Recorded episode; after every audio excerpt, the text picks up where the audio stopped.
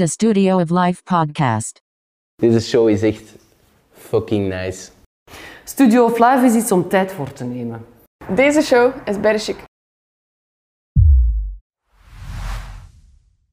Dag Glen, goedemiddag. Goedemiddag, Leuk. welkom bij AED Studios. Ja, ik moet zeggen, het was eh, heel indrukwekkend al toen ik de oprit eh, mocht oprijden. Het was eh, heel leuk om te aanschouwen. Dit heb ik al regelmatig gehoord. Uiteraard, eh, België is een klein land en daarin hebben we een heel groot eh filmstudiocomplex, of televisie, of evenementen, of rehearsals, zelf congressen. Het is een 50.000 vierkante meter en eh, soms zijn wij Belgen niet genoeg chauvinistisch. We durven al eens over ons bier praten en onze voetbal en onze chocolade, maar we vergeten dat er heel veel sterke bedrijven in België zijn. En één daarvan is uiteraard AED, waarvan in de groep AED Studios het meest bekende is. Ja. ja, we kennen u ook inderdaad voornamelijk dan een van de grootste, allee, ondertussen ook in Europa denk ik, van de grootste mediacomplexen die er toch is, alleszins toch in België. Ehm, uiteraard ben je veel meer dan dat. Eh, wie is eigenlijk Glen Roggeman? Glenn Roggeman is iemand die als passioneel heeft eh, altijd zaken gedaan. En ook in een driehoek, maatschappelijk verantwoord. Ik vind dat het belangrijk is dat we ook eh, verschillende lagen van de maatschappij een kans geven. Eh, ecologisch verantwoord. Ik vind eh, het zeer vuil dat mensen soms rijk worden met de natuur naar de kloten te doen, zal ik het onmooi of onvriendelijk zeggen. Ik vind ehm, die drie pikkel maatschappelijk verantwoord, dus mensen, ecologisch, natuur. Eh, ik was het eerste bedrijf dat heel actief was met elektrische auto's. Ehm, ik heb een van de eerste auto's elektrisch in België gekocht, de Peugeot Ions. Ik heb een van de eerste of de eerste Tesla gekocht. Ik ben in 2006 begonnen aan mijn pad voor ecologisch te worden. Ik ben geen geitenwolle sokkenman, maar eh, ecologie vond ik heel belangrijk. Dus ik wou alles eh, ehm, ecologisch bouwen. Super geïsoleerd, eh, waste recuperatie, warmterecuperatie, eh, ledverlichting avant la lettre dat het bestond, zullen we zeggen. Ehm, was ik daar heel actief mee bezig. Domotica-sturing, uiteraard zonnepanelen, dat is de basis, zullen we zeggen. Maar eh, vooral in transport, elke kilometer die je niet rijdt, is de meest ecologische kilometer. Dus eh, zelf veel ecologischer dan de beste elektrische auto of een auto op waterstof of een wat. kilometer dat we niet rijden, is de meest ecologische. En dat heb ik geprobeerd door te duwen in al mijn bedrijven. Oké. Nu, als we helemaal teruggaan ook, naar uw eh, beginjaren. Je- ja, ik wou bijna zeggen gloriejaren, maar dat is een verkeerd, verkeerd woord. Ehm, je hebt je, je school ook niet, hè, niet afgemaakt. Ehm, Ja. Van waar, hoe komt dat, denk je? Is er iets bepaald? Allee, kwam de school, allee, of het onderwijs een tekort? Of hoe, hoe, Laten die we eerst en vooral zeggen dat ik geen voorbeeld wil zijn voor de jongeren, voor de school vroeg te verlaten. Het is een bagage dat je de rest van je leven op je rug draagt. Zoals een rugzak, maar met enkele lode staven in. Dus je moet een heel hard karakter hebben voor ja, bij educatie de rest van je leven te doen. Dus ik heb alles wat ik moest weten, mij altijd in verdiept. Maar dat heeft toch bloed, zweet en tranen gekost. Dus ik, ten eerste, dat is een oproep aan iedereen, maak uw school af als je nog op school zit. En, ehm, dus het is zeker vast geen reclame voor stopt op je 16, begint je eigen bedrijf. Je je hebt die basisopleiding nodig. Doe je school, werkt af. Ehm, hoe komt dat ik dat succesvol wel heb kunnen omdraaien? In school eh, ging het mij allemaal een beetje voor mij te traag. En dat was ook een tijd dat je kon sneller gaan dan het lessenpakket dat ze in school geven. Maar ehm, het is toch zeer zwaar geweest eh, later voor ook in talen mee te kunnen. We zijn eh Belgisch een klein land. Dus het is belangrijk als je zaken wilt doen, dat je over de taalgrens heen gaat, over Vlaanderen heen gaat, laten we zeggen, over België heen gaat, over die landsgrenzen of taalgrenzen heen. Dus het is belangrijk die educatie, die basiseducatie te hebben. Nu door een sterk karakter, door in de juiste tijd, toen kon dat nog, nu wordt dat moeilijker en moeilijker, heb ik toch daar kunnen een successtory van maken. Dat komt ook omdat ik ehm, tegen Against All Arts heb doorgeduwd op verschillende zaken. Ehm Eén daarvan was, ik was in mijn jonge jaren, eh 12, 13, 14, 15, 16 jaar, DJ. En al mijn, ou- mijn ouders, als die gingen eten met al hun, vrienden, was keer op keer, wanneer gaat hem eens iets serieus doen? Jullie jongste zoon, dat gaat wel stoppen. En dat is zo ingeprent geweest dat DJ in de jaren eh 80, zullen we zeggen, ja, dat was, dat was een hobby, dat was geen vak. Je moet een echt vak leren, je moet iets doen. En ik dacht, ja, als dat geen vak is, ja, zal ik dan aan alle DJ's gaan verhuren. Dus ik ben feitelijk, laten we zeggen, van het podium gevallen en naast het podium blijven staan in de entertainment business, de passie voor de entertainment business, dat is een rode draad in mijn leven, eh, de entertainment business. Dus ik ben naast het podium blijven staan en ik ben geluidsverhuring, lichtverhuring en later ook videoverhuur en verkoop en leasing en allerlei andere activiteiten gaan doen. Maar die is toch een, een zwaar pad geweest van heel hard te werken. En hoe komt dat je dan toch beslist hebt, want ik veronderstel dat dat een bewuste keuze was om toch alsnog van de schoolbanken te gaan en volledig dan te gooien misschien op je passie, zijn de... Om, omdat de schoolbanken voor mij op dat moment te traag gingen. En omdat je toen, ik raad het iedereen af, dus het kan nu niet meer. Ja, ik had mijn vrachtwagen al gekocht en ik wou dingen gaan doen. Ik wou luidsprekers bouwen, ik wou die gaan verkopen, ik wou die gaan verhuren, ik wou met passie zaken doen. En ik vond dat niet terug in school. Maar er was ook een tijd dat dat nog een beetje kon.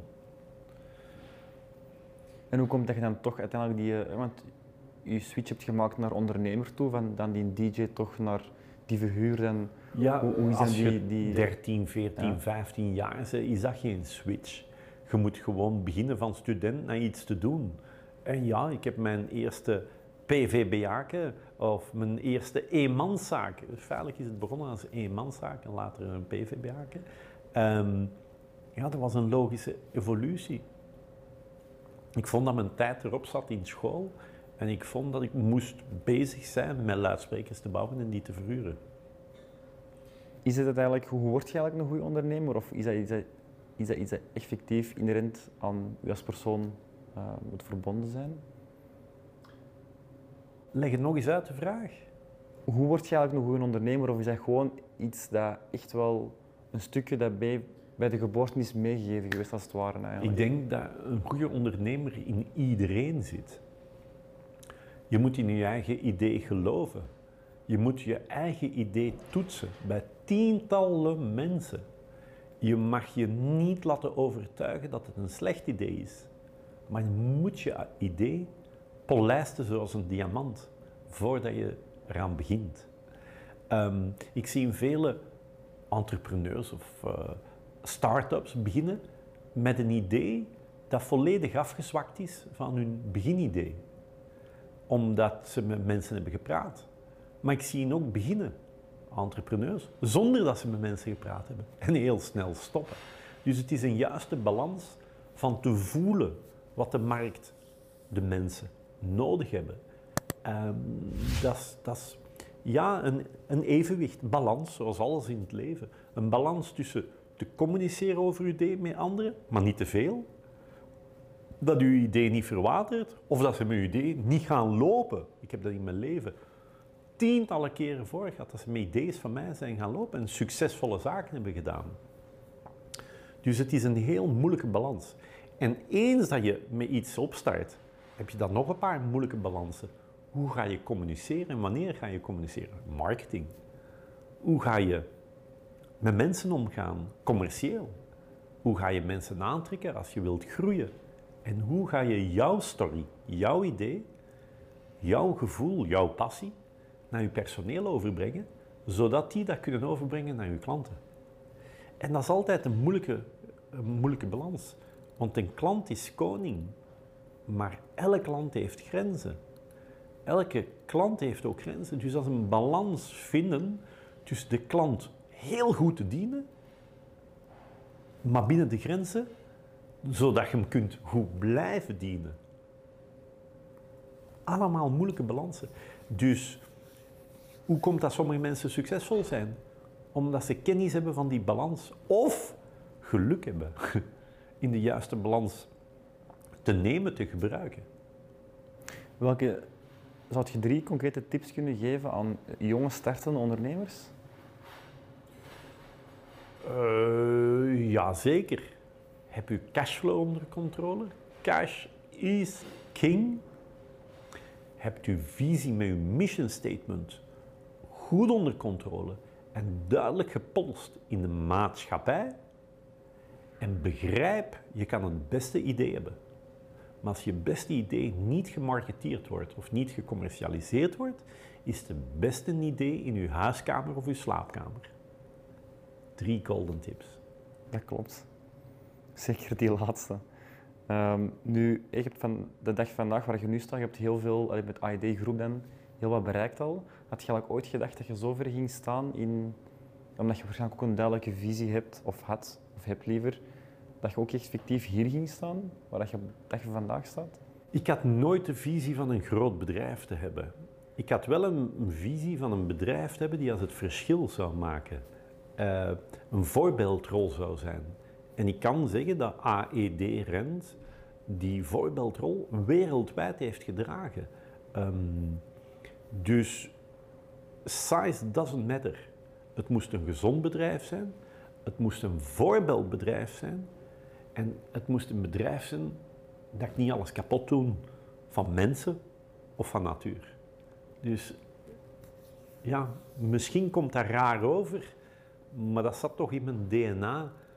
En uiteraard, last but not least, er moet toch een fun gehalte in zitten. Of je blijft het niet doen. Want je passie kan het grootste zijn. Je moet natuurlijk alles met passie doen. Maar je kunt iets met passie doen, maar als je fun weggaat, dan zal die passie ook weggaan. En waar zit uw fun gehalte dan? Met de juiste mensen rond mij te werken. Met de juiste... Ik vind het heel leuk met klanten te praten. Um, al ben ik daarin soms heel misbegrepen, omdat ik nogal een heel duidelijke mens ben. En soms kom ik streng over. Dat is niet de bedoeling, maar dat is hoe dat is. Ja. Um, Een vis die kan uh, niet overkomen dan een hond. en een hond kan niet overkomen als een vis. Punt uit. Um, dus ja, mijn geluk is met mensen. Ik denk dat het heel belangrijk is. Mensen maken een deel van je leven uit. Um, ik denk dat ik dat niet genoeg in mijn leven heb gecommuniceerd naar mijn klanten. Dat zij ook zeer belangrijk zijn. Um, daar haal ik mijn passie uit en mijn plezier, maar ook nieuwe zaken te doen. Ik heb nood aan nieuwe horizonten te verkennen. Is nu in geluid, is nu in licht, is nu in, in, in bouwen van, ja, je zit erin, in een filmstudio te optimaliseren. Ik vind het heel leuk iets vast te nemen, om te draaien en te verbeteren. Um, laten we zeggen dat ik daarin misschien een stuk een wereldverbeteraar ben, maar de jaren hebben mij al uh, de nodige littekens gebracht dat je niet heel de wereld kunt verbeteren. Dus ik probeer het rond mij te doen. Misschien een voor de hand liggende vraag ook, Glenn. Hoe is het eigenlijk om CEO te zijn van een, van zo'n grote groep? Um, boeiend, leuk, beangstigend, lastig. Um, ja, als je met veel uh, mensen samenwerkt, die vele mensen kunnen al eens ziek zijn, kunnen al eens corona krijgen, kunnen al eens willen thuis zijn, kunnen al eens niet willen werken, kunnen al eens ja, niet aan hun werk denken, maar aan hun privéleven. En dat is een heel moeilijke balans. Zeker in ons vak met de technische werkloosheid hebben toch vele mensen geleerd thuis te blijven, daar een loon voor te krijgen. Dus ik uh, dat is beangstigend, de mensen terug in de entertainmentwereld op dreef te krijgen. Dat is beangstigend. Beangstigend voor hun. Niet zo voor mij, maar voor hun. Ehm, maar wat is het leuke? Als je die mensen terugziet in hun passie werken. En je ziet die terug, iets dat je hebt gegeven, een stuk leven dat je deelt. Dat is het mooie. Dus ja, als CEO heb je die beide kanten. En in welke mate sta je er ook soms bij stil wat je al gerealiseerd hebt? Het leven is zoals ehm, ja, een trechter. Daar wordt tijd in gegoten. En die tijd die loopt snel daardoor. En hoe ouder dat je wordt, hoe sneller dat, dat water, de tijd, door die trechter gaat. En eens dat door de trechter is, kunnen we nog eens naar die fles zien, maar het is gepasseerd. Um, vermits dat mijn leven vrij druk is, pak ik niet voldoende tijd voor diep duiken, te reflecteren over wat er gebeurd is en te reflecteren en te genieten van wat we hebben opgebouwd samen met al onze klanten in het vak. Um, ja, daar moet in het algemeen meer tijd door de mensheid voor genomen worden. Vroeger hadden de mensen tijd voor gezegdes te maken, maar die, die hadden geen tv, die hadden bijna geen amusementspelen. Nu zijn we zo omringd door marketing, door beelden, door televisie, op elk puntje, op elk ooghoekje dat je kijkt, krijg je de data van marketing in jou. Ik denk dat de gemiddelde mens 20 tot 30.000 marketingprikkels per dag krijgen. Dus je krijgt zoveel dat we bijna ons leven worden geleefd. Dat is wel, uh, ja, ja, dat is wel boeiend. Ja, dat weet ik niet. Dan moet iedereen voor zijn eigen uitmaken. Maar zonder dat we weten, als je hier rondkijkt, zijn er ook verschillende marketingnamen zonder dat je weet dat je in je onderbewustzijn hebt. Je kijkt rond en je ziet een fles op tafel staan. Jij weet welk merk dat is zonder dat je daarin kijkt. Er hangt een televisie achter mij aan de muur. Jij weet welk merk dat, dat is. Drie namen zijn er in uw kop zonder in uw onderbewustzijn. En zo zijn er heel veel dingen. En nu zitten we hier afgescheiden in uh, onze eigen ruimte. Probeer het in te denken als je met de auto rijdt. Men wordt overspoeld door data. Ja, om even terug te komen op, die, op, die, uh, op daarnet ook, dat, daar uh, had je het ook over de grootte van het bedrijf en zo, en dat eigenlijk geld niet uw voornaamste drijfveer is. Dat heb je ook eens verteld in een artikel. Maar wat is uw drijfveer dan eigenlijk wel juist? Wat drijft Dingen beter te maken. Ik denk dat dat mijn grote drijfveer is. Dat is mijn passie. En entertainment is mijn passie dingen beter te maken. Maar er zijn verschillende krachten in onze maatschappij. En, en soms met de beste intenties bereikt je doel niet. Kijk, uh, in Antwerpen, ik denk dat vele politiekers de beste ideeën hebben voor een ring rond Antwerpen te maken. Maar hoe lang zijn we al bezig daarmee? En dat is omdat enkele mensen daar misschien tegen, tegen zijn. Je hebt de wurggreep van de minderheid of je hebt de wurggreep van het individu. Maar dat is de democratie geworden.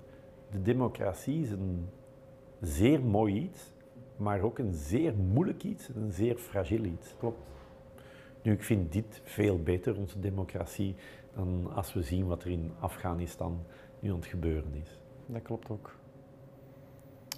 Um, wat ik me ook afvroeg, Glen, is um, wat ik zelf ook soms ervaar is, um, ik zit ook in een bepaalde, ik durf dat van mezelf te zeggen, geprivilegeerde ja, leven, zal ik maar zeggen.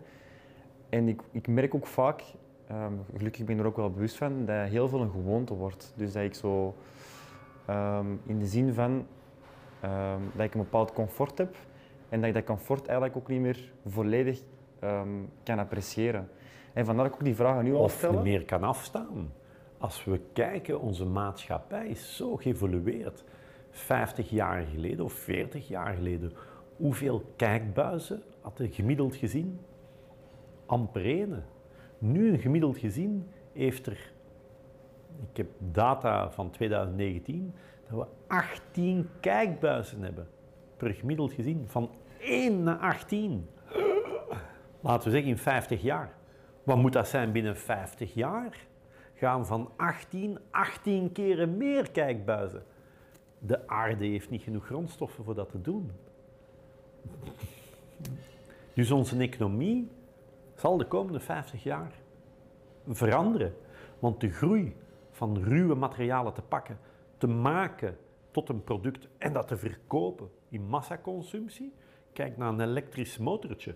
50 jaar geleden had het gemiddeld gezien zes elektrische motoren. We spreken nu van boven de 150 elektrische motoren. En de mensen die als twijfelen waar dat allemaal zitten, kijk maar eens in uw, auto. De linkerspiegel die gaat op en neer en links en rechts twee motorjes. Maar de rechterspiegel ook twee motorjes. En uw zetel ook veel motorjes. En thuis, je moet maar eens kijken wat er allemaal motorjes heeft. Het is indrukwekkend. Speelgoed van kinderen, eh, eh, wasmachines, noem maar op. 180, ik dacht 180 elektrische motorjes, heeft het gemiddeld gezien. En wat binnen 50 jaar? Van 6 naar 180. Dat is zo'n evolutie. Dan ik me toch vragen stel voor de komende 100 jaar deze planeet. En ik. jouw kinderen, en mijn kinderen en kleinkinderen. Ik, ik vraag dat toch af. En, en iedereen zegt, ja, wat kan ik daaraan doen? Ik denk dat het begint bij iedereen. Ik denk dat dat een terechte vraag is dat je eh, stelt. Ja, Want wat ik ook wou zeggen nog, even nog inpikken nog, ehm, aan u wou vragen, Glenn. Worden voor u dan dingen ook een gewoonte, omdat je ook op een positie zit, mag ik toch zeggen, waar dat je heel veel mocht ervaren. Je hebt het ook zelf afgedwongen en ik nuanceer dat graag. Maar wordt het dan voor u ook niet soms zo van, ah ja, ik doe dit of ik kan met, met, met die wagen rijden of ik kan dat doen of ik weet ik veel wat. Wordt dat ook voor u een gewoonte of kan je echt nog altijd wel ten volle appreciëren of heb je daar niet zoveel eh, problemen mee? Ik denk dat mensen allemaal een gewoontedier zijn. En ook ik. En op een zeker, er zijn fases in je leven dat je een auto heel belangrijk vindt, of dat je kleding heel belangrijk vindt. Of, er zijn fasen in je leven. Ik kan zeggen, van wat geniet ik het meeste, dat is misschien platvloers, dat is met mijn kinderen gaan wandelen met mijn hond. Ik heb een Deense dog, Scooby-Doo. ja. Eh, in het bos vind ik geweldig. Geweldig tof. Ehm, ik heb deze morgen met mijn kinderen om eh 9 uur spelletjes gespeeld, zo met drie houten blokjes en nog eens drie en nog eens drie, zo'n torentje. Je moet er stuk per stuk eentje uithalen. Ik weet niet hoe dat noemt, het spelletje, maar dat staat al eh, het hele weekend op eh, eh, de tafel. En te pas en te onpas daagt een van mijn kinderen mij uit, of daag ik hun uit. Dus die kleine dingen, raar maar waar, het zijn de meest leuke dingen. Uiteraard, excessen is plezant, maar een excess moet zo niet van u zijn. De drang voor van mij, er zijn mensen die willen een appartement aan de zee en een appartement in het buitenland en in Spanje en in Portugal. Ik heb die drive niet meer, zal ik zeggen. Waarom niet? Omdat hoe meer dat je hebt, hoe meer dat je dan moet onderhoud aan doen. En hoe meer onderhoud, hoe, hoe ongelukkiger dat je wordt als er iets niet in orde is. Dus het is mooi in balans te komen in je leven. En ik zeg niet dat ik er ben. In balans absoluut niet. Maar meer is voor mij niet nodig. Ja. Ik ben gelukkig. Heb je dan ook schrik om dingen te verliezen, net omdat je zoveel hebt opgebouwd? Ehm, dat is leuk, want eh, een paar maanden geleden zat ik met, met een van mijn beste vrienden over te spreken. Hij heeft een ontsteking, eh, een, een spier afgescheurd gehad met iets weg te gooien. Maar iets licht weg te gooien en zijn spier is afgescheurd. En heeft nu hielspoor. Oké. Dus hij kan niet heel lang wandelen, want dan doen ze hielen zeer. Oké. Door, En, en eh, ook 52 jaar heeft bij mij op school gezeten. En wat viel mij op, als ik naar mijn eigen kijk, hardlopen, oh, dat kan ik bijna niet meer. Of ik moet 20 minuten me opwarmen. Dus in het leven, je, wordt geboren en, en- je groeit, je groeit, je kunt meer, je kunt meer, je kunt meer. En er komt een moment dat je minder en minder kunt. En dat je met minder en minder gelukkig bent. Ik kan niet meer ehm, een uur voetballen op topniveau. Dat onmogelijk. Eh, als ik hier zit en ik zou moeten spurten weg van tafel, dan kan ik drie maanden kine doen. dan heb ik ontstekingen. Dus in het leven, je gaat moeten aanvaarden dat dingen worden afgenomen. Ik woon in een groot huis. Maar er is veel werk aan. Ik ben terdege bewust. Nu, ik heb dat huis ooit gebouwd, 13 jaar geleden, voor mijn kinderen te zien opgroeien in dat huis. Want vroeger zat ik constant op buitenland. Dus ik ging mijn klanten uitnodigen naar mij thuis. En kost ik praten met mijn klanten en kost ik terwijl mijn kinderen zien opgroeien. Dat was het uitgangsstandpunt. Dus, maar nu, mijn kinderen beginnen volwassener en volwassener. Ik denk binnen 10, 12 jaar, 15 jaar, zal ik wonen op een appartement. Want dan heb ik de onderhoud niet van het huis. Dus, worden er dingen zo afgenomen? Ja. Ga je kunnen leven met minder? Ja. Het ergste vind ik kou hebben of honger.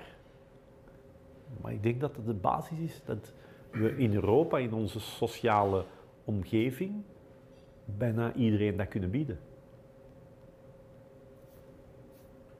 Dus, zolang dat ze mij geen kou en honger zullen laten hebben, kunnen ze de rest allemaal afpakken. Dat zal ook gebeuren met de jaren. En hoe ga je er mentaal mee om? Eén, dat afpakken en twee, ook het feit dat je eigenlijk mentaal misschien nog wat mee wilt, maar dat je lichaam af en toe zegt van, Glen, ja, ja, even op de rem gaan staan. Eh, vroeger kon ik 110 uur werken en een douche pakken en terug beginnen. Dat is nu onmogelijk. Als ik een nacht eh, tot drie uur met klanten, eh, want je moet relaties soms bouwen, dus je blijft soms iets drinken. Als ik dat doe, ik heb de dag daarachter, daarachter last van mijn lichaam. Dat is niet meer hetzelfde dan op mijn twintigste. Dus hoe kan je daarmee om? Ja, je aanvaardt dat gewoon. Er zijn veel mensen dat daar problemen hebben met, met dat aanvaarden. Maar dan ben je ongelukkig met wie dat je bent nu. Ik ben zeer gelukkig, ja, ik ben meer een topsporter. Ja, ik kan meer zo eh, boemelen met klanten, drinken dus. Dus dat is een evolutie in het leven. 52 is geen 27. Ja, dat is mooi wel, van die acceptatie ook. Is niet... eh, Maar, ooit zei mijn vader tegen mij, hij leeft nog, is 87 jaar. Ik zei tegen hem, dan was ik in de 20, papa, eh, ik, ik kan 100 uur werken, zonder problemen. En de week draagt er 100, en de week draagt er 100, en de week draagt er 100. Ik kan niets opbrengen voor het bedrijf. En jij? jij kunt dat niet, hè? En dat is ongeveer een 30 jaar geleden, was mijn pa in de 50, mijn leeftijd nu. En zei, zoon, ja, ik moet u gelijk geven. Ja, jij kunt veel en harder werken dan ik. Ja, jij kunt veel meer gewicht pakken dan ik. Ja, jij kunt eh, dingen verzetten dat ik niet kan verzetten. Jij kunt in een week werk verzetten dat ik vier weken voor nodig heb. Maar, zegt hij, ik heb ervaring. En met die ervaring kan ik mensen sturen. En samen kunnen meer dan alleen. Dus ik moet een paar gelijk geven. Ik kan niet meer even hard werken als vroeger. Maar ik kan wel veel meer verzetten. Door mensen in hun passie proberen aan te sturen. Door mensen een gemeenschappelijk doel te geven. Door mensen een visie te geven. En door mensen stapgewijs te helpen in het uitrollen. En dat is een groot verschil. Ja, je hebt Dat is de positiviteit van ouder worden. Ik, ehm, wat ik me ook afvroeg, is eigenlijk, heb je eigenlijk, omdat je heel veel ja, uitdagingen op je pad altijd komen, ook dagelijks waarschijnlijk, ehm, zijn er ook nog dingen waar je echt nog een schrik of een angst voor hebt, dat die zouden gebeuren, zowel privé als eh, Maar, maar professioneel? kijk, wat er gebeurt, zal er gebeuren. Hè. Als er een kernbom valt op België, dat gebeurt dat. Kun je daar schrik van hebben. Dat heeft niet veel nut voor daar schrik van te hebben. Ja. Je moet geen schrik hebben van zaken die misschien zouden kunnen gebeuren. Je moet bezig zijn met wat er vandaag op je pad staat. Een muis kan een olifant opeten. Het moet maar twee dingen doen voor die olifant op te eten. Weet je wat dat is? Eraan starten, want als hij niet start, zal hem nooit die olifant kunnen opeten. Dat is één, eraan starten. Lang blijven lopen. En twee, volhouden. Als hem die twee dingen doet, en dat is voor alles. voor mensen die als een bedrijf willen beginnen, twee dingen. Te gaan starten, of het gebeurt niet, en volharden. Blijven, blijven erop duwen. En dan zal het gebeuren. Om in die metafoor te blijven, Glenn, ehm, zijn er eigenlijk ooit ehm, momenten geweest ehm, in je pad waar je dan als muis eigenlijk onder de voet kwam van een olifant, zodat je effectief een fout hebt gemaakt, of dat je dan... Of hoe kijk je daarop terug? Natuurlijk. Ja? Of Natuurlijk. wat is een van de grootste fouten, die je- of allee, in retroperspectief kijkt, dat je denkt van, die situatie had misschien beter anders aan. Mensen te vertrouwen. Ik heb een vernoot gehad dat gestolen heeft van het bedrijf. Hebben die correct behandeld, hebben die correct uitgekocht. Vertrouwen die mensen. Ik heb een beste vriend gehad, die als werkte in het bedrijf. En die als het bedrijf feitelijk misbruikte. Vertrouwen die mensen. Ik was in Leuven de grootste werkgever in de gevangenis. Omdat ik geloof dat mensen die als iets misdaan hebben, want in principe zitten allemaal onschuldigen, maar zullen wel allemaal iets gedaan hebben, als we die de kans niet geven om terug op hun levenspad te gaan, ja, dan blijft dat mensen dat iets gaan kunnen misdoen. Dus moeten die een kans geven. Dus ik heb mijn flight case in de gevangenis, ik denk 15 jaar, dat we in de gevangenis, nee 20 jaar, dat- 15 of 20 jaar, in de gevangenis van Leuven werken. En, en daar zijn sommige vriendschappen uitgegroeid. En sommige vriendschappen zijn daar ook gestopt. Ehm, dus mensen vertrouwen, dat heeft mijn grootste fout geweest. Maar zonder vertrouwen en zonder mensen kunnen niks opbouwen. Dus je moet mensen vertrouwen. Dat is zo weer al die balans. Het is wel een paradox een beetje, hè? Dat is een paradox. Ja. Want hoe gaat je daar nu mee om? Want allee, als je dan... Kijk, ik heb Je kunt, de jaren heeft eelt gebracht op mijn vertrouwen van mensen. dus ik heb een minder vertrouwen in mensen de laatste jaren dan vroeger. Laten we zeggen dat ik vroeger mensen gemakkelijk vertrouwde. En dat nu mensen zich ietsjes meer moeten bewijzen, hun, hun goedheid of hun, of hun doel. Dat is een spijtige zaak, maar dat is gewoon de, de, de slagen van de zweep. En de zweep noemt het leven.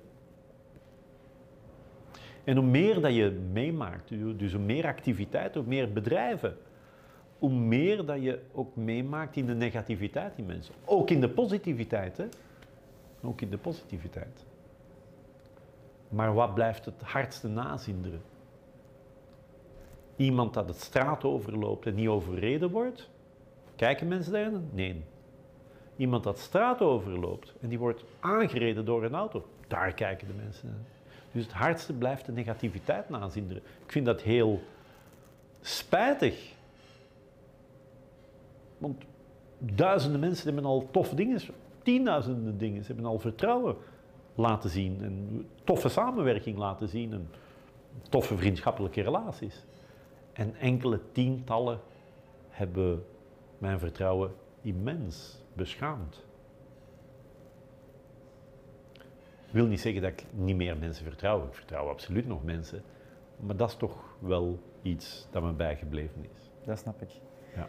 In een ehm, eerder artikel ook, Glenn, heb je verteld, hè, omdat we, ik kom even terug op die 100 uur per week werken, gaf je ook aan van ja, ik heb ooit eens een jaar 358 dagen van de 365 gewerkt. Ja.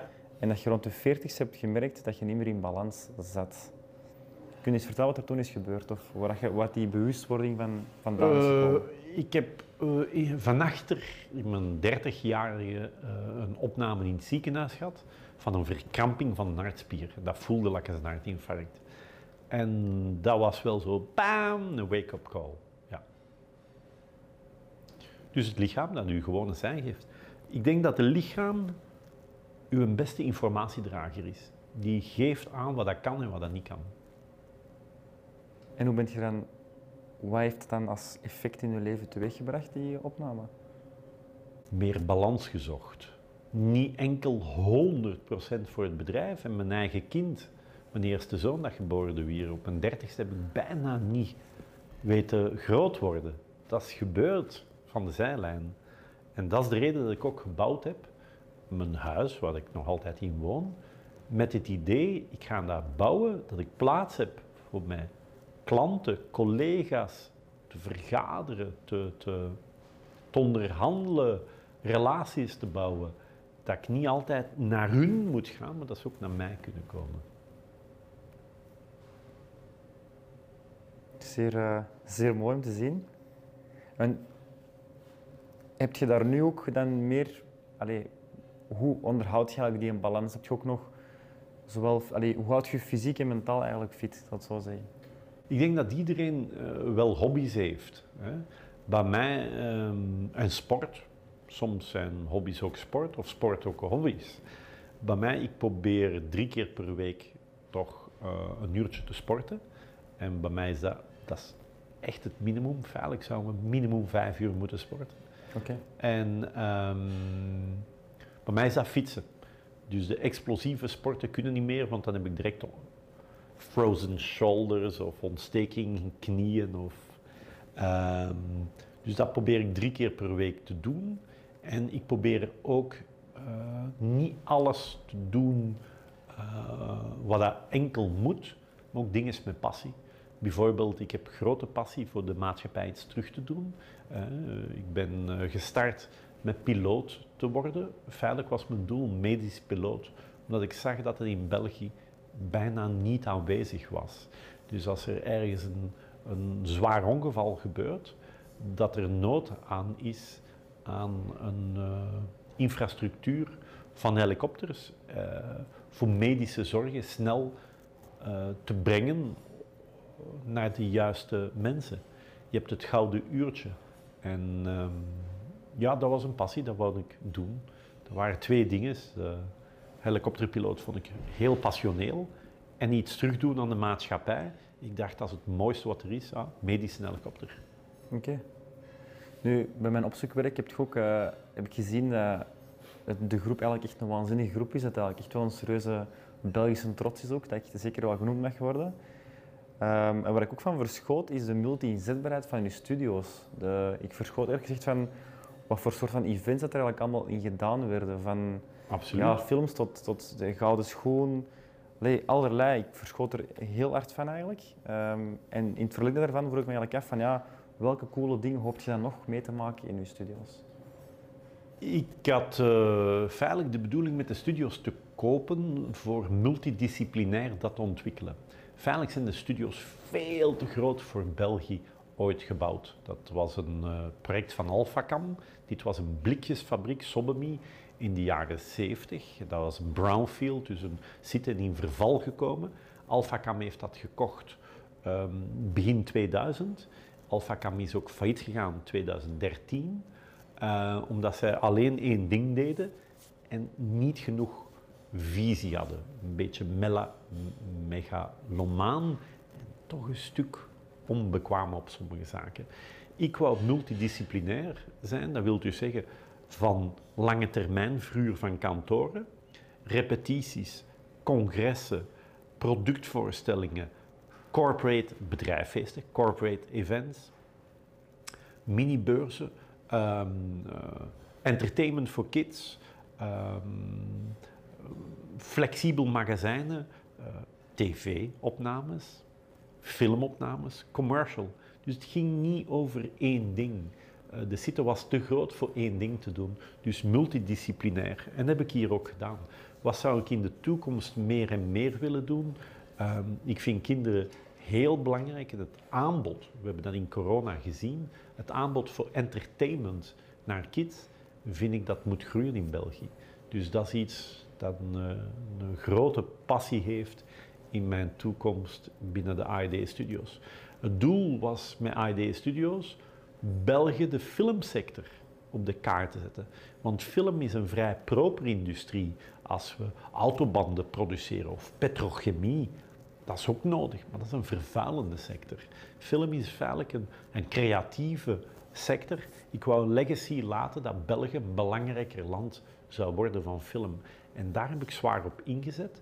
En we zien dat, dat er vele andere mensen ook zeggen, oh, ik ga ook een filmstudio bouwen in Vilvoorde of zo.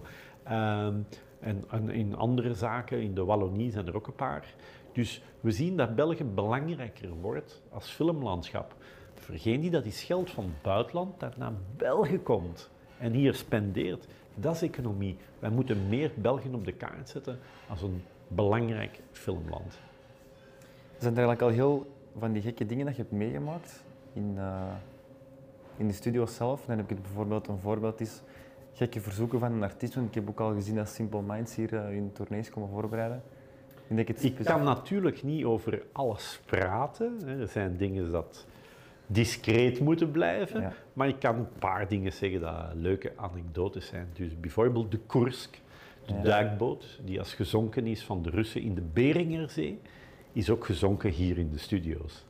De film is hier opgenomen en ze hebben dus een duikboot nagemaakt en hebben ze laten zinken hier. En de film is te bezien uiteraard op uh, vroeger, een jaar geleden of twee jaar geleden in de cinema, twee jaar geleden. En nu vermoed ik dat je hem kan bestellen wel via een of andere provider. Uh, dus dat was heel leuk. Nu, we hebben hier ook al een kerk gebouwd gezien, een volledige kerk, dat we zeggen. Amai. We hebben een stuk van Montmartre hier opgebouwd gezien voor een film. Ik heb uh, uh, space, uh, ja, ruimteschepen gezien, de cockpit opgebouwd. Ik heb um, een controletoren van de luchtvaart gezien van maar een van de jaren 70. Ik heb um, Grace of Monaco, de, het, ja, moeten we zeggen, het paleis gezien in Monaco, maar hier in de studio opgebouwd. Dus ik heb al veel excessen in film gezien. Film is toch een heel, ook passioneel, heel creatief en zeer artistieke wereld. Dus toch heel boeiend voor te zien wat ze met houten latjes en verf doen. En zijn dat dan ook dingen dat jullie doen? Of moeten die props en die, die materialen, worden die dan specifiek echt voorzien door de, door de eindklant dan? Of? Ja, wij zijn feitelijk uh, met AID Studios een bedrijf die als voorziet van de infrastructuur, dat wil dus zeggen de muren, de gebouwen, de, de magazijnen. Wij kunnen zaagmachines voor hout voorzien, wij kunnen hoogtewerkers uh, voorzien, uh, tafels, stoelen, uh, klarken, voorheftrucks kunnen wij voorzien. Alle soorten verlichting, alle soorten luchtreinigers van UVC. Dus dat kunnen wij voorzien. Het creatieve, het artistieke en zelfs de acteurs, dat is iets wat wij niet voorzien. Dat is de bedoeling dat de scriptschrijvers en de producent hun, uh, hun, hun gekste fantasieën van entertainment hier loslaten. Is er nog nooit gevraagd geweest als, uh, als acteur dan, Glenn? Of, uh... ik ben blij dat dat nog niet gebeurd is. Ik denk dat ik een slechte acteur ben. Ik denk dat mijn huid niet bruin genoeg is en dat ik te groot ben dat mijn uh, collega-medespelers dan op een krat. Ik ben twee meter, dus in de film, dat, dat pakt niet goed op camera. Voor elke markt is er wel iets, hè? absoluut, absoluut. Um, wat nog iets heel cool was, vond ik, um, ook een van die dromen, denk ik, dat er hier ooit alleen een box-office um, film gedraaid zou worden. Want zelfs ja. daar kunnen jullie faciliteren. Vond ik ook enorm zo boeiend dat dat gewoon in België kan. Dat je eigenlijk zo'n film, dat dat gewoon kan worden opgenomen in, ja, in een studio. Allee, in, in zo'n studio. Dus ik vind dat ja, er zijn toch... Eh, waanzinnig. Uh, we hebben Iron Sky, dat was toch een tamelijk een box-office die is opgenomen. Grace of Monaco met Nicole Kidman. Dat is geen lokaal actrice, zullen we zeggen. Nee. Dat is toch een wereldster. Uh, de Kursk, dat is toch de duurste film dat België heeft aangedaan. Ik dacht in de 40 miljoen euro voor een film. Um, dus ja, dat is heel leuk. Uh, The Fifth Estate, ook een Oscar-winnaar, is er hier ook opgenomen. Nu ook lokale films uh, zijn hier opgenomen. Vlees en Bloed, André Hazes is hier opgenomen.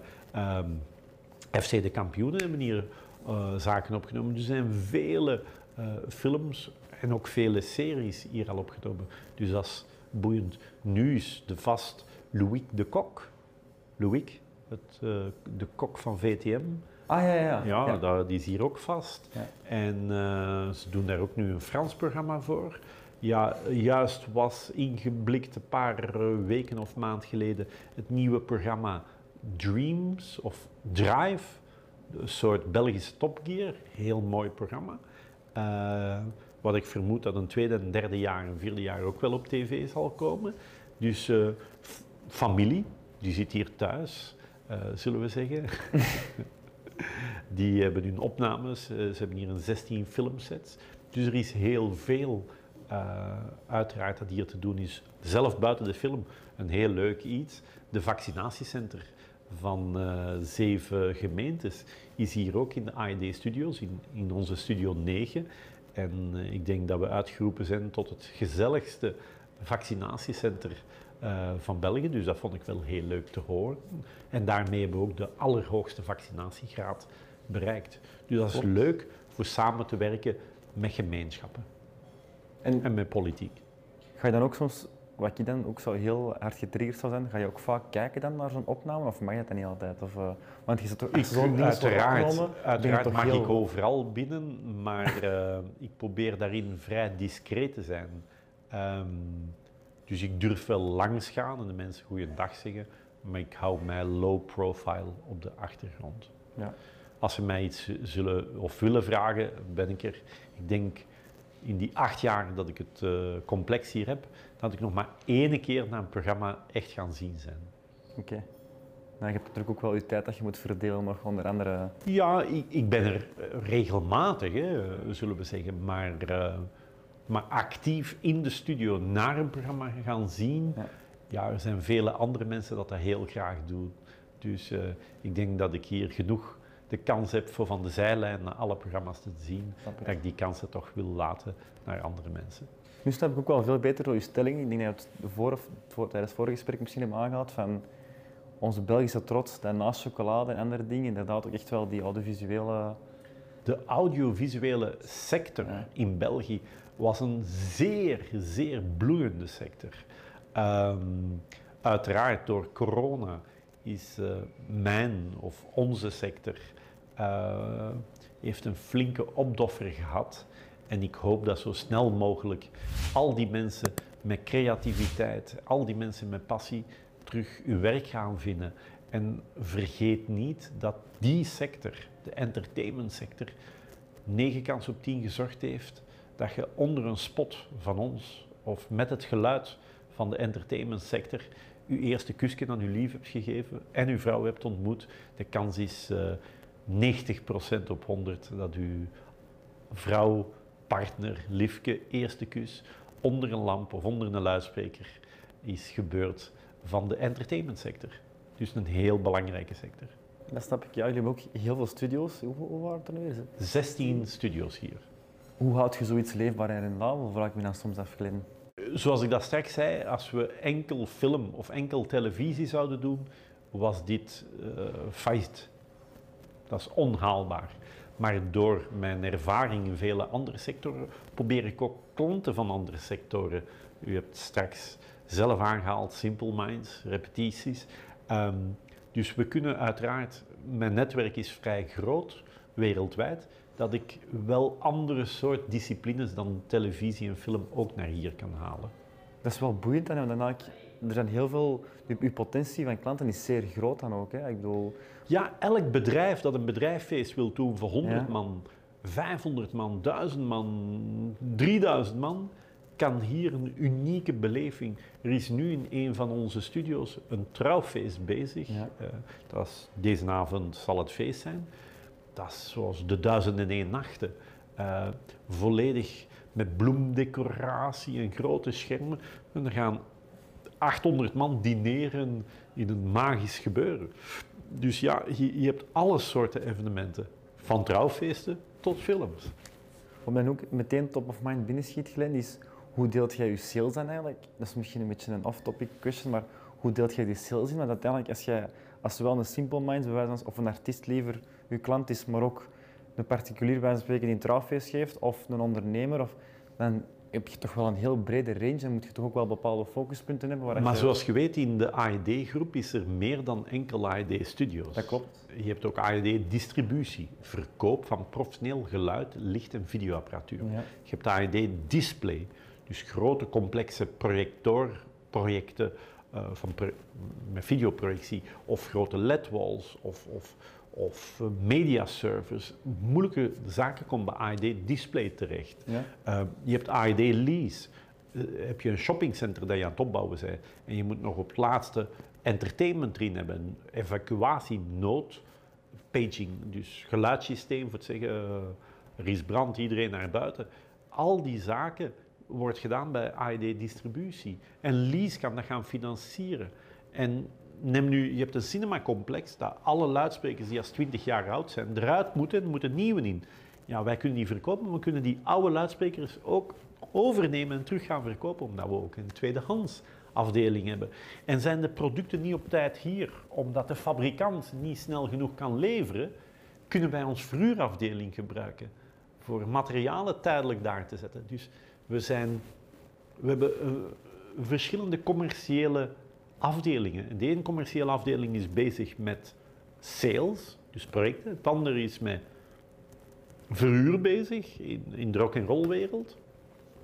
En de AED Studios is vooral naar de corporate bedrijvenmarkt bezig.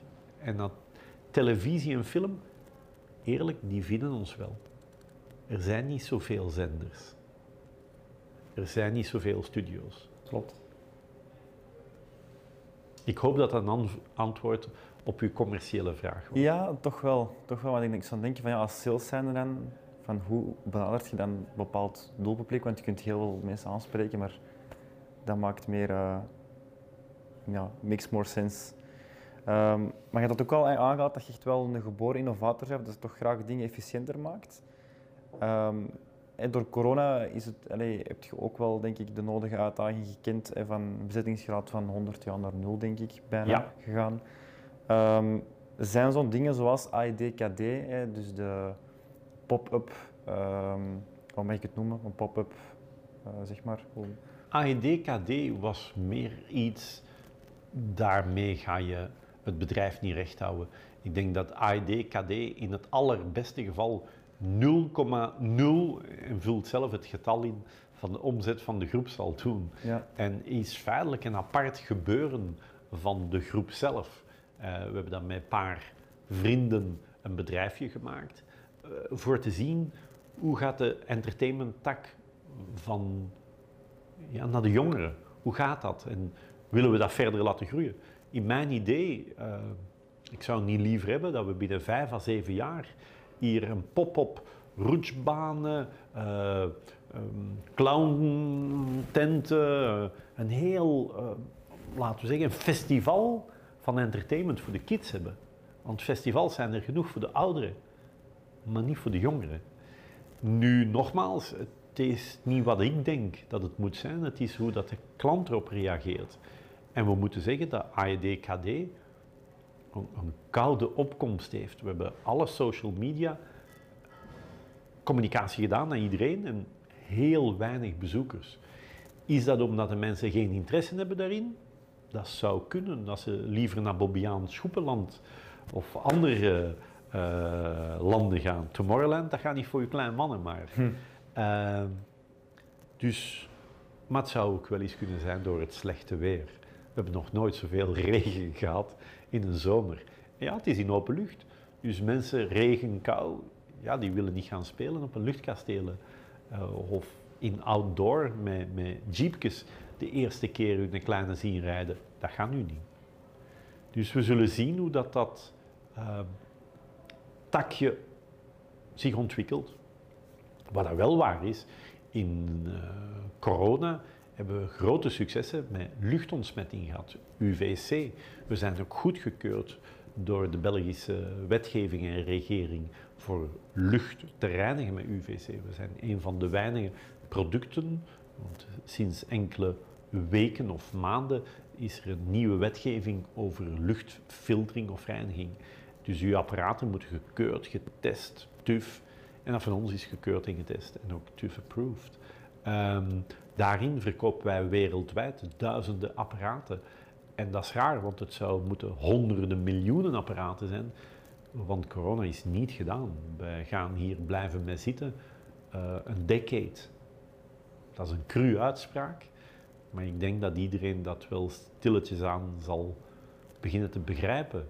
Dat als we te snel zaken loslaten, en dat hebben we gedaan, dat we toch nog met besmettingen gaan zitten. En die besmettingen is niet erg, maar de mensen op intensive care is erg.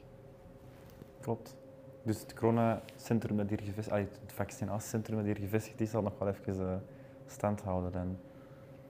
Ik denk, maar daar zullen alle wetenschappers, die kennen daar veel meer over als ik. Ja. Ik denk dat er wel een kans is dat wij een tweede en een derde vaccin zullen gaan krijgen.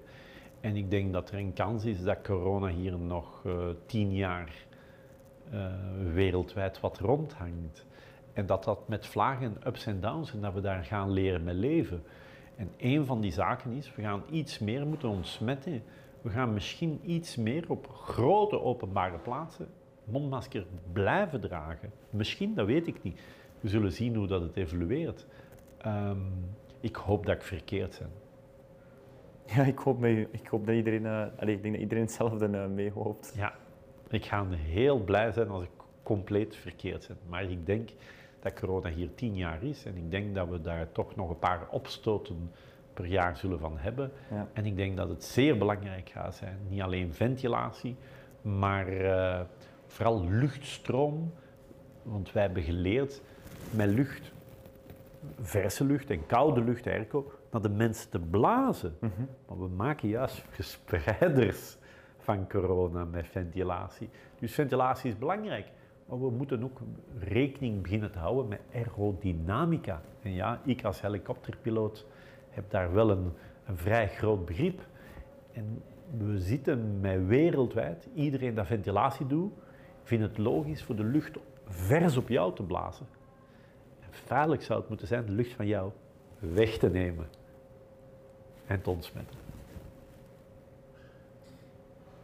Is eigenlijk de entertainment, de entertainmentwereld, want je hebt er net ook aangehaald, Glenn, dat die, dat, dat een bloeiende wereld was, eh, een tijd terug. Is dat eigenlijk een harde wereld, de entertainmentwereld, in de eh, op vlak van eh, business dan? Ik denk dat de entertainmentwereld een heel harde wereld is. Als we kijken op grote evenementen, Ja. eh, we zien mensen die werken aan een heel laag loon. Ik praat niet over de, de DJ, de Dimitri Vegas en Like Mike, maar ik praat over de make-up artiesten. Ik praat over de security. Ik praat over de mensen achter de toog. Ik praat over de mensen die als het opbouwen, de, de, de stellingen, eh, het podium, eh, de verlichting, de videoschermen, de decoratie, is soms een heel uitgewrongen business. Heel harde business. En die business moet heel veel investeren. Dus ik zie daar heel veel mensen met heel grote passie bezig. Heel veel mensen met, met zware investeringen bezig. Heel veel mensen met heel veel liefde voor de perfecte show te brengen. Als je naar Ramstein of Metallica gaat zien, dat is wauw. En vele shows zijn wauw. Maar dat komt door honderden, honderden, honderden mensen daarachter die als die show tot stand brengen. En niet alleen de artiest. Klopt. Vele van die honderden, honderden mensen. Je moet indenken, als er Ramstein eh, in het Heizel komt, dat is niet de mensen op het podium hè, die als werk hebben. Dat zijn duizend mensen daar rond. Hè. En soms worden die mensen onderbetaald en worden niet dankbaar genoeg in, of in een bloemetje soms gezet, zullen we zeggen. Die hostess dat u begeleidt naar uw stoel, die, die security agent, dat zorgt dat je veilig kan weggaan. Ehm, de mensen die als dat licht laat bewegen, die als die rookmachine, dat vuur, vuurwerkshow, wauw. Dat zijn feitelijk de echte artiesten. Samen met de echte artiesten op het podium staan, maar die kennen we allemaal. Ja, dan zal inderdaad wel corona er zwaar op hebben ingehakt dan nog eens erbovenop. eh. Zeer zwaar op die mensen. Want hoe heb je eigenlijk op persoonlijk vlak dat doorgemaakt, corona?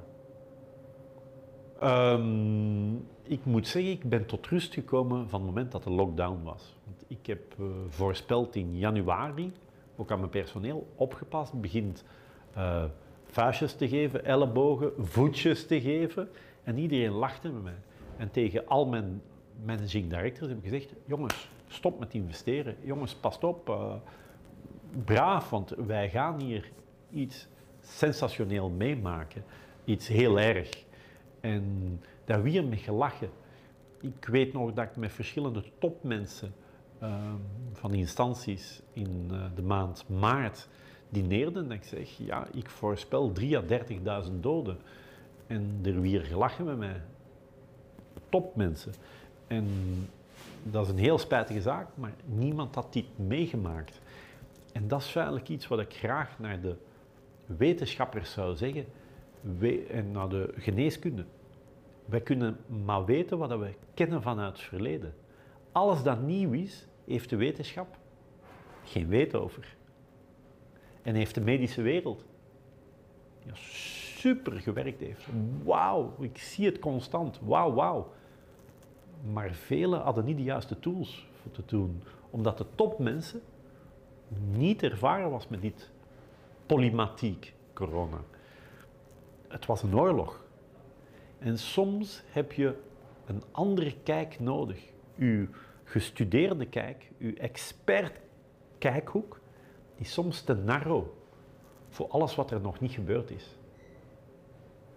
Lesgevers over managementstijlen kunnen heel goed lesgeven, maar die stijlen hebben zij niet bedacht.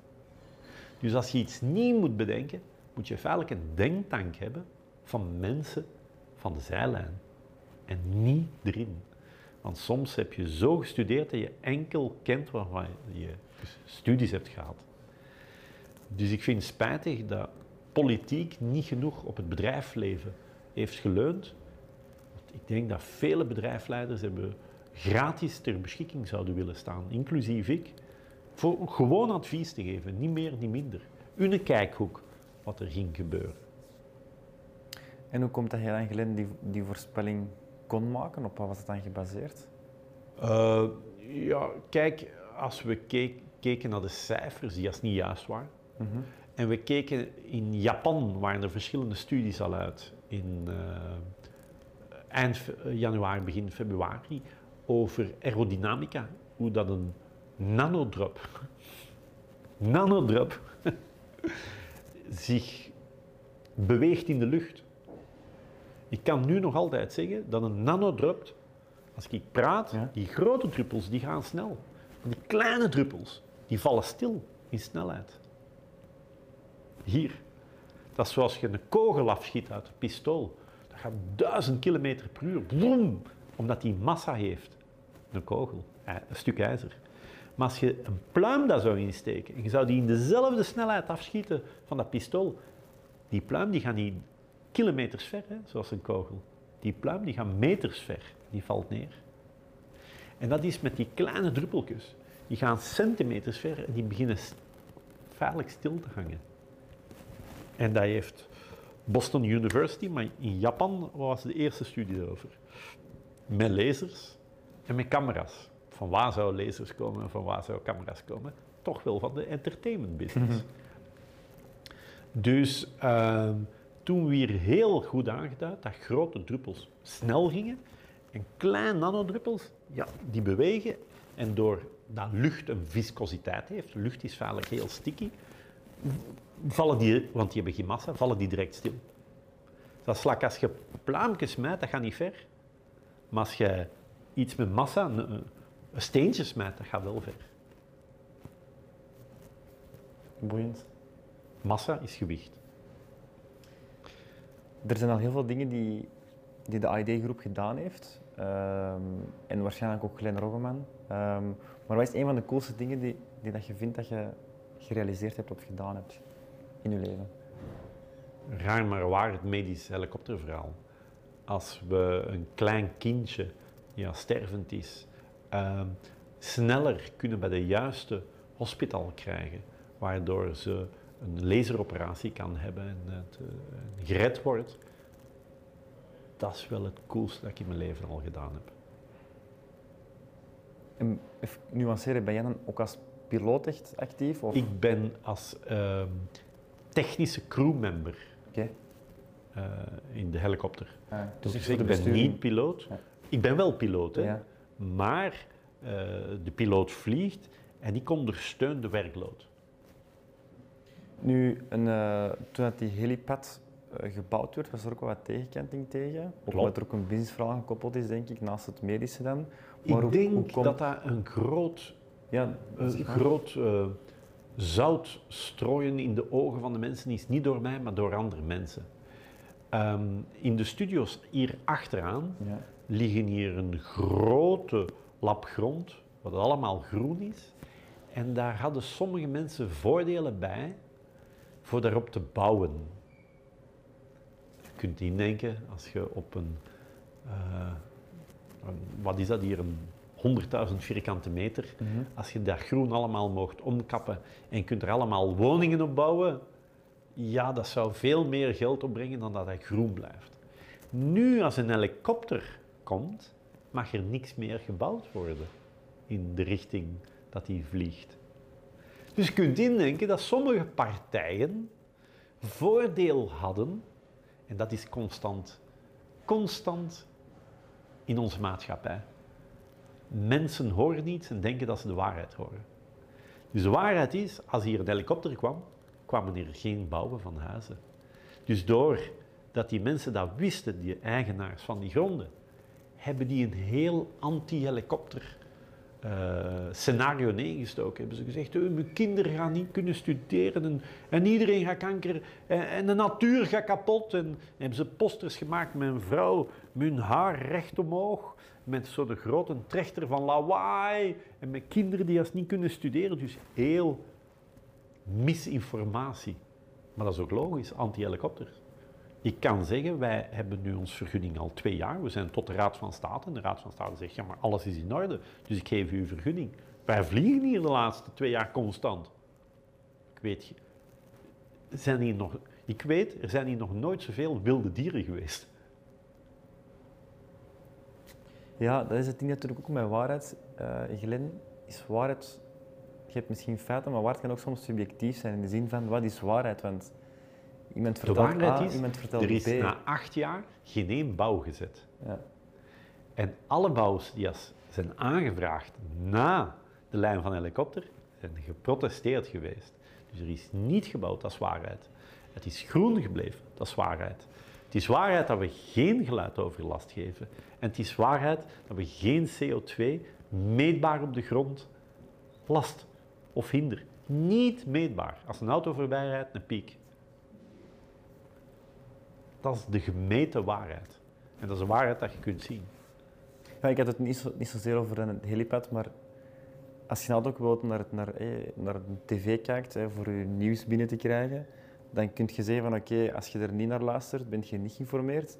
Maar als je er wel naar luistert, ben je misschien misgeïnformeerd, omdat je ook nooit niet weet Ja. van die Ja. nuance kunt leggen van oké, ja, er wordt hier iets verteld, maar Maar ik denk dat de mensen, als ze diep genoeg graven, wel voldoende slim zijn voor hun eigen waarheid te maken. Maar als ze natuurlijk misgeïnformeerd worden en dat voor waarheid onmiddellijk aanpakken, ja, dan krijg je 4000 petities tegen. ja, dat is misschien een beetje gelijkaardig, net zoals het corona-verhaal, dat er ook allerlei eh, Misinformatie. theorieën gewoon. achter eh, gevonden worden, of gezocht worden liever. Ja. Dus, eh, ehm, je hebt natuurlijk al heel veel als persoon eh, meegemaakt. Heel veel mooie dingen veronderstel ik ook. Allee, toch de dingen die ik kan terugvinden online. Maar wat is nog een absolute droom dat je zou willen verwezenlijkt zien? Ik zou graag hebben dat in België zes medische helikopters komt. In heel Vlaanderen en de Wallonie en Brussel. Omdat ik weet dat dat mensen levens gaat redden. Ehm, dus dat is een heel mooie verwezenlijking. Eh, ik zeg niet dat ik ze zal leveren, maar ik zal zeker en vast heel hard mee aan de wieg gestaan hebben dat ze er komen. Ehm, dat zou ik heel graag hebben. Het tweede wat ik heel graag zou hebben, dat we de propere industrie, de film- en de entertainmentwereld in België verder, alleen verder niet, kunnen terug opstarten voor toch een, een propere industrie aan de volgende generaties te geven. En ook deze generatie toch een balans te geven in work-life. Ehm, festivalen zijn veel meer dan alleen maar lawaai. Festivalen zijn ook een uitlaatsklep voor vele mensen. En daarmee bedoel ik niet de 18, 19, 20-jarigen. Want als ik kijk naar die grote festivalen, dan valt het mij op dat er mensen van 18 jaar zijn, maar ook mensen van 60 jaar zijn. En alles daartussen. Het is toch een heel brede spectrum. Het is spijtig dat soms die festivalen het zeer moeilijk krijgen door enkele mensen die als er tegen zijn. Dus enkele mensen kunnen het geluk wegpakken van honderden, duizenden of miljoenen mensen. En dat vind ik een heel spijtige zaak. Dus ik hoop dat we samen met de maatschappij, met, met de nodige instanties, kunnen bouwen aan terug een gebalanceerd leven. Ja, dat klopt helaas wat je zegt. Mm, ook om, om terug op je eerste droom te, te komen, um, Glen. De, ik ben natuurlijk daar niet zo bedreven in, maar ik was in de veronderstelling, dus medische uh, helikopters. Ik, dacht, ja, ik was in de veronderstelling dat momenteel al toch bepaalde ziekenhuizen waarschijnlijk over helikopters beschikken, dat die wel kunnen uitvliegen. Maar wat is dan net het verschil ja, met wat je jij hebt wilt in realiseren? Brugge één medische helikopter. Ja, En je hebt in de Walen één medische helikopter. En je hebt hier in de Vlaanderen onze Medic One. Ehm, Bruggen is feitelijk geen medische helikopter, is een gewone helikopter. Zo'n beetje wat haakjes ingangen. En de tweede piloot, of de crewmember, de helikopter crewmember, Ja. eruit. En feitelijk mag dat niet en daar leggen ze dan de patiënt los. Ja, maar het is een gedogen beleid. Dus eh, een echte medische helikopter is gemaakt dat er twee piloten of vier ogen in de cockpit kan zitten. Soms moet je op moeilijke plaatsen landen. Ehm, dus ik hoop dat er niet die van Brugge en die van in de Walen, maar ik hoop dat er in België zes komen. Dit is nu een privé-initiatief Ja. eh, dat we met de bedrijven ondersteunen. Eh, de Medic One, dat doen we al acht jaar. Eh, maar ik weet dat het gaat komen. Eh, we, we, we hebben gekozen, of de, de, de experts hebben gekozen voor kenniscentra's te maken in België. Dus dat wil zeggen, mm, hospitalen met heel veel kennis van hart of van longen of van eender. Dus we gaan noodzaak hebben voor van een één ziekenhuis, dat een hartpatiënt, naar dat kenniscentra moet gebracht worden. Als je in Gerardsbergen ligt en je moet naar Aalst of naar Leuven en is spitsuur, dan zou ik graag, als ik die hartpatiënt, hè, en ik denk elke hartpatiënt gaat dat ook willen, zo snel mogelijk bij de juiste arts te geraken. Klopt. Maar dus jullie geven dan, ehm, jullie lenen Kijk, helikopters overal ter aan wereld is dat. In Nederland hebben ze dat. Ja, Daar hebben ze ook kenniscentra's. In Duitsland hebben ze dat. De ADAC heeft meer dan 50 helikopters. In Frankrijk hebben ze dat. In Engeland hebben ze dat. Dus overal ter wereld is dat. Ik verschoot dat ik in sommige landen, eh, laten we zeggen, eh, het oosten van Europa, als ik daar landde met een helikopter, en die mensen zeiden, ah, kom eens zien, kom eens zien, want die zien een medische helikopter landen. Toen als ik repatriëring vluchten, want dat doe ik ook. Dus eh, mensen dat ergens in het buitenland liggen, die willen toch voor medische redenen naar België komen. Dan doen wij repatriëring via de nodige instanties. Als ik eh, keek in sommige Oost-Europese landen en ik landde daar in een eh, luchthaven tanken, dan verschoot ik soms dat die kraaknieuwe 6, 8, 12 medische helikopters hebben staan die als ze niet gebruiken, maar kraaknieuw, betaald met Europese subsidies. Daar, daar verschoot ik immens van. Maar er, wat dus wat nog wel voor mij nog een beetje onduidelijk is, Glenn, is de... Momenteel hebben ziekenhuizen hebben die geen helikopters, dus die maken eigenlijk gebruik van één, de Medic One, of die van in Brugge, in Wallonië. In Brugge, in Brugge vliegt alleen voor Brugge. Ah, enkel voor Brugge. Dus maar als Ja. ik zo voor ik een ongeval heb ergens, ik weet niet, in Brussel, ik moet met Je een hebt twee soorten zaken. Je Ja. hebt primair, een ongeval. Ja. Daar hebben we in België een uitgebreid mug-covering-netwerk. Ook met helikopters dan? Of... Nee, nee, nee, met Dus auto's. helikopters zijn er eigenlijk maar drie die echt vliegen op, op, op, op, op ziekenhuizen, echt, of op die... die Ja, die Brugge repatriëring is alleen voor Brugge, want dat is met wat sponsoring van gemeentes en sponsoring van bedrijven. En dan in de Walen is feitelijk een initiatief die als 20.000 members hebben. Ja. En iedereen betaalt een stukje bij aan een helikopter. Ah, ja. Dus dat is ook feitelijk niet van een ziekenhuis. En hier in, in Vlaanderen zullen we zeggen, de Medic One is feitelijk iets, eh, een privé-initiatief. En mm, wij vliegen naar de meeste universiteitsziekenhuizen. Op hun vraag dan. Op hun vraag. Oké, ja, voor alle duidelijkheid. Ja. Ja. Ehm, wat is nou de grootste misvatting dat mensen van u hebben? Dat ik onbereikbaar ben, dat ik heel moeilijk ben, dat ik eh, een heel harde zakenman ben. Ik ben feitelijk heel bereikbaar voor iedereen. Je hebt dat gezien, je hebt mij gebeld, ik ben heel bereikbaar. Ehm, ik wil duidelijkheid. Dus als dat verward wordt met een harde zakenman, nee, duidelijk. En ik wil een eerlijke deal waar dat beide partijen gelukkig van zijn. Ik wil het laken niet naar mij trekken, maar ik heb ook niet graag dat een leverancier of een klant het laken compleet naar hem trekt. Er moeten beide mensen gelukkig zijn. En dat wordt soms verward dat ik een harde zakenman ben. Nee, ik heb graag de cursor in midden. Oké. Ehm, op een gegeven moment komen helaas allemaal te overlijden. Uh, alleen helaas, voor sommige mensen misschien niet. Maar als er één moment is wil ik dat je zou mogen meenemen naar, ik zal het even omschrijven als het hiernamaals. Welk moment zou dat zijn en waarom? Geboorte van mijn kinderen. Ik ben geen gevoelensmens, ik ben meer een zakenmens. Maar geboorte van mijn kinderen waren de meest intense momenten, momenten van mijn leven. Dus dat. En wat doet dat met een mens? Want ik kan daar niet, niet van spreken natuurlijk, maar iemand... Bij leven en welzijn zult je dat meemaken. Kijk, de grootste beer van een man wordt een teddybeer dat je onder de deur kunt schuiven als die puur is van ingesteldheid. Dus eh, ja, wat doet dat met iemand? Dat is een band voor het leven.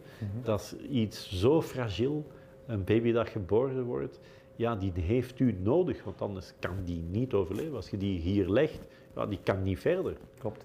Dus eh, ja, dat is toch een tamelijke ja, een emotionele roetsbaan. Dat ik toch voor iedereen gun. En ik hoop dat iedereen daar open voor staat voor dat te appreciëren. En dat ook een beetje te eren als het belangrijkste moment in uw leven. Ja, ik... ehm we hadden het er juist ook in het gesprek, in het begin van het gesprek, over eh, loslaten ook.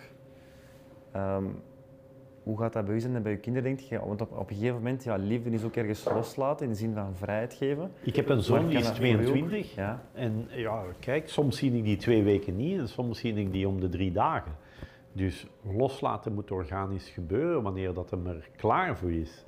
En eh, als hij 16 was, had ik gezegd, ja, je bent 16, nu wil ik dat je de helft van de vakantie werk, een job zoekt. Want je moet weten wat een euro is en wat dat 10 euro is als je naar de cinema gaat. Dat kost geld. Ja, maar hoe lang moet je daarvoor werken? Je moet de waarde van het geld kennen. Dus hij moest van mij de helft van de vakanties tussen 16 en 18 jobstudent zijn. En ehm, hij moest daar zelf voor gaan solliciteren. Dat mocht in een van mijn bedrijven, maar moest dat met de HR doen zonder dat ik hem helpte. Na zijn 18, hij, hij wou stoppen met de school en hij wou gaan werken. Ik heb gezegd, als je dat wilt doen, ik ben de slechtste man voor nee te zeggen, want ik heb op mijn zestiende gestopt. Maar ik heb graag dat je school afwerkt. En ehm, dan is dat nu voor het pad van het leven te gaan verkennen. En dat ga je moeten doen zonder mij. Dus hij was feitelijk, niet welkom is een groot woord. Ik wou dat hem eerst vijf, tien jaar op zijn eigen benen stond, eigen jobs gaat zoeken, eigen, ja, de slagen van de zweep van het leven en van de maatschappij en de waarde van het geld heel goed leerde kennen. En dan is hij welkom van mij.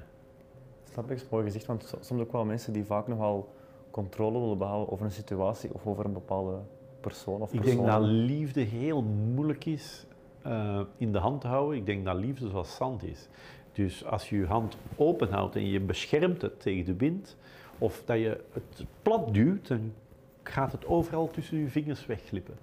Dus ik heb hem beschermd en ik blijf hem beschermen, maar hij moet op zijn eigen benen staan. Dat snap ik. En hij moet zijn eigen fouten maken. En hij moet zijn eigen problemen tegenkomen.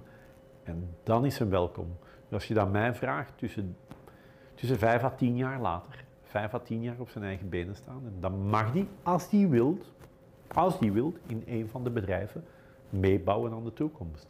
Als hij dat wilt.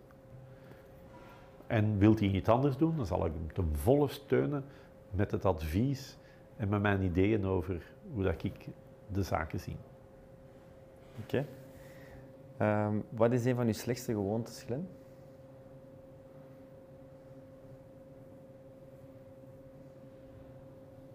Dat zijn er vele, hè. ik ben een mens. Hè. Mocht er ik betrap mijn eigen soms dat ik aan mijn neus krap en ik vind neuspeuteren eh, eh, bijna een grappig iets. Als je aan de lichten kijkt naar andere auto's links-rechts, dan zie je mensen soms in hun neus peuteren. Of zie je mensen soms met mond open zitten. Oeh, straf.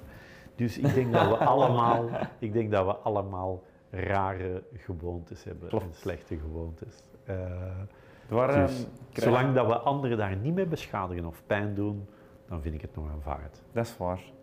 Waar krijg jij kippenvel van en waarom? Van passionele momenten, van mensen die als iets doen eh, against all art, in hun passie en er toch in slagen. Oké. Ehm, ik heb ook gelezen, correct me if I'm wrong, dat je ook wel een supercar fanaat bent of een verzamelaar. Dat klopt. Welke- Eh, ik denk dat elke man in zijn, op sommige momenten van zijn leven wel een zekere passie voor auto, auto's heeft. Ehm, ik mag me gelukkig prijzen dat ik wel wat auto's heb al gehad in mijn leven. Aha. En eh, ik mag me gelukkig prijzen dat ik op het juiste moment soms auto's weet te kopen en te verkopen.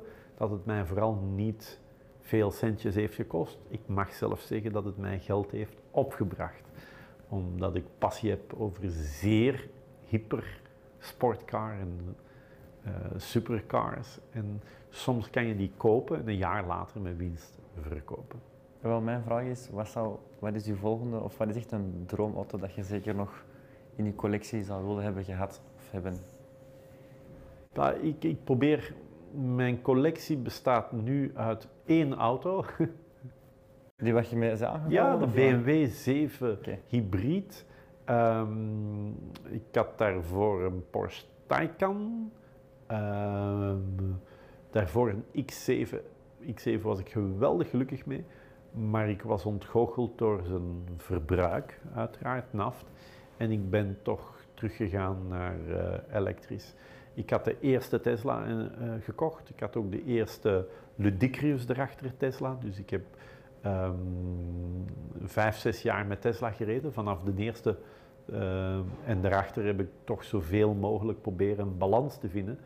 Want ik vind ook wel eens mooi te rijden met een, ja, een, een, een, auto dat heel mooi lawaai maakt. Een supersportwagen. Maar dat is dan zoals een goede wijn voor van te genieten. En niet dagdagelijks zoals water te drinken. Dat klopt. Dus ik probeer mijn footprint toch in balans te houden. Top. Glenn, ik wil super bedanken voor uw tijd ook. En, eh, Graag gedaan. Ik hoop dat het eh, interessant was voor jou en voor de kijkers en de luisteraars. Ik denk van wel, voor mij alleszins wel. Dus, eh, en ik hoop ook gewoon dat ik... eh, ik wens je gewoon alles toe waar je niet van durft te dromen, Glenn. Geluk en gezondheid. Kijk, Dat vind ik al meer als genoeg. dan zijn ik een gelukkige mensen. Dan, dan zit al een heel gelukkige mens. Als je die twee eigenschappen gelukkig kunt mee zijn, dan zit al heel ver. Top. Dankjewel. Dank je wel.